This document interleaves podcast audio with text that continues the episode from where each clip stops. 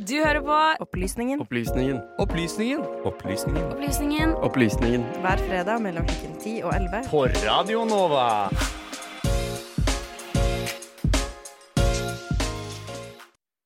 Og Maren, denne uka skjer det også for mye til at vi kan ta for oss alt.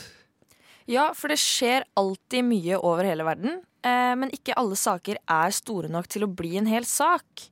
Så her i Opplysningen så gjør vi alt vi kan for å dekke ukas mest interessante nyheter. Og på ganske nøyaktig fem minutter skal Benjamin og Trym ta deg gjennom fem forskjellige saker fra uka som har gått. Her får du ukas fem på fem. På ei uke skjer det mye i verden, og ikke alle saker er store nok til å bli en egen sak. Derfor tar vi for oss fem kjappe saker fra uka som har gått, slik verden så ut onsdag 4. mars. Mange kommentatorer og øvrige interesserte har brukt denne uken på å fordøye resultatene fra Super Tuesday. Mange kandidater har trukket seg på kort tid, og blant dem finner vi en tidligere favoritt. Vi snakker selvfølgelig om Pete Buttigieg, også kjent som Mayor Pete. En annen tidligere borgermester, Michael Bloomberg, har nå også kastet inn håndkle. Bloomberg brukte store summer på reklame og PR, og det virket som om kampanjen kunne få gjennomslag gjennom penger alene. Bloomberg, som selv er milliardær, var ikke den eneste i kampen med mye penger. Tidligere så vi også Tom Steyer, tidligere hedgefondmanager, og han har nå også kastet inn håndkleet. Kampen for den demokratiske nominasjonen tilspisser seg. På tirsdag stakk Bernie Sanders av med California og tre andre stater. Joe Biden på sin side vant nominasjonsvalget i Texas med smal margin. Spørsmålet er nå hvem som kan ta lederrollen og sikre størst oppslutning frem mot siste delstatsvalg i juni. Og mens vi først er inne på USA, har Federal Reserve, USAs fungerende sentralbank, satt ned styringsrenten i et forsøk på å styrke den amerikanske økonomien. Når sentralbanken setter ned renten, kalles dette ekspansiv pengepolitikk. Man gjør det mindre lønnsomt å ha penger i banken, slik at innbyggere og selskaper får bedre avkastning av å heller bruke pengene sine. Slik får myndigheten til å simulere økonomien. Hvis du sparer i aksjer, har du kanskje merket i det siste at det er økt usikkerhet på finansmarkedet. Vi lever i en sammenvevd verden. Det er panikk på aksjemarkedet i Asia i kjølvannet av koronaviruset. Det har fått store konsekvenser for økonomien i resten av verden, og dette er da begrunnelsen for USAs rentenedsettelse. Det gjenstår nå å se om andre land i verden følger etter USA. Vi hører selvfølgelig veldig mye om koronaviruset covid-19 nå for tiden.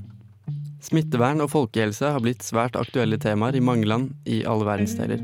Vi hørte tidligere i februar at det hadde vært et smittetilfelle i Daegu i Sør-Korea, der 377 mennesker hadde fått viruset på en gudstjeneste. Sør-Korea har nå åpnet en drapsetterforskning mot lederne i kirken. Dette er nokså unikt, fordi det er det første tilfellet der noen anklages i retten for uaktsomt drap gjennom spredning av koronaviruset. Potensialet for spredning er stort i store folkemengder, og utallige arrangementer har blitt kansellert grunnet frykt for spredning. 25 000 deltakere må nå vende hjem etter at London Book Fair nylig ble avlyst. I Japan er mange nå usikre på om Tokyo-OL kan gå som planlagt. Yoshiro Mori, president for Tokyo-OL, sier på tirsdag at avlysning er fullstendig uaktuelt. Utviklingen for LHBT-personer i Polen blir stadig mer prekvær. Flere kommuner har nå erklært seg som LHBT-frie soner. Dette betyr i praksis at de har erklært seg fri for såkalt LHBT-propaganda. Nå dekker disse sonene ca. en tredjedel av Polen, et område som er like stort som Ungarn. Samtidig som flere kommuner har erklært seg som LHBT-frie soner, har Lov- og rettferdighetspartiet tatt en stadig strengere retorikk når det kommer til LHBT-personer. Tidligere har samme parti uttalt at LHBT-ideologi er en utenlandsk importvare som truer den polske staten og de kristne verdien. Utviklingen i Polen for LHBT-personer er skremmende, og derfor er det viktig at vi holder et øye med denne situasjonen nå framover.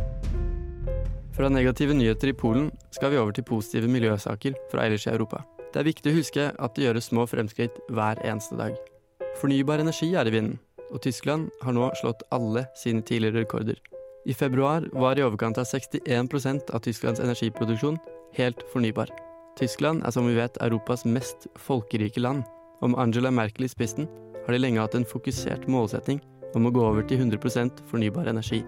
Denne storsatsingen har primært vært på solcellepaneler og vindkraft, og det er nå tydelig at prosjektet gir gode resultater. I en fersk britisk rapport kan vi også høre at Storbritannia har hatt en historisk kraftig reduksjon i sine klimagassutslipp. På ett tiår har CO2-utslipp i Storbritannia falt med hele 28 Også her har fornybar energi spilt en stor rolle. Nærmere hjemme, i en litt uventet uttalelse fra kongeparet Harald og Sonja, sier de nå at de vurderer å installere solcellepaneler på Slottet. Vår nabo kong Carl Gustav i Stockholm har allerede gått i bresjen, og fikk solceller i gave for to år siden. Det er gøy å se at selv de kongelige hiver seg på den grønne bølgen.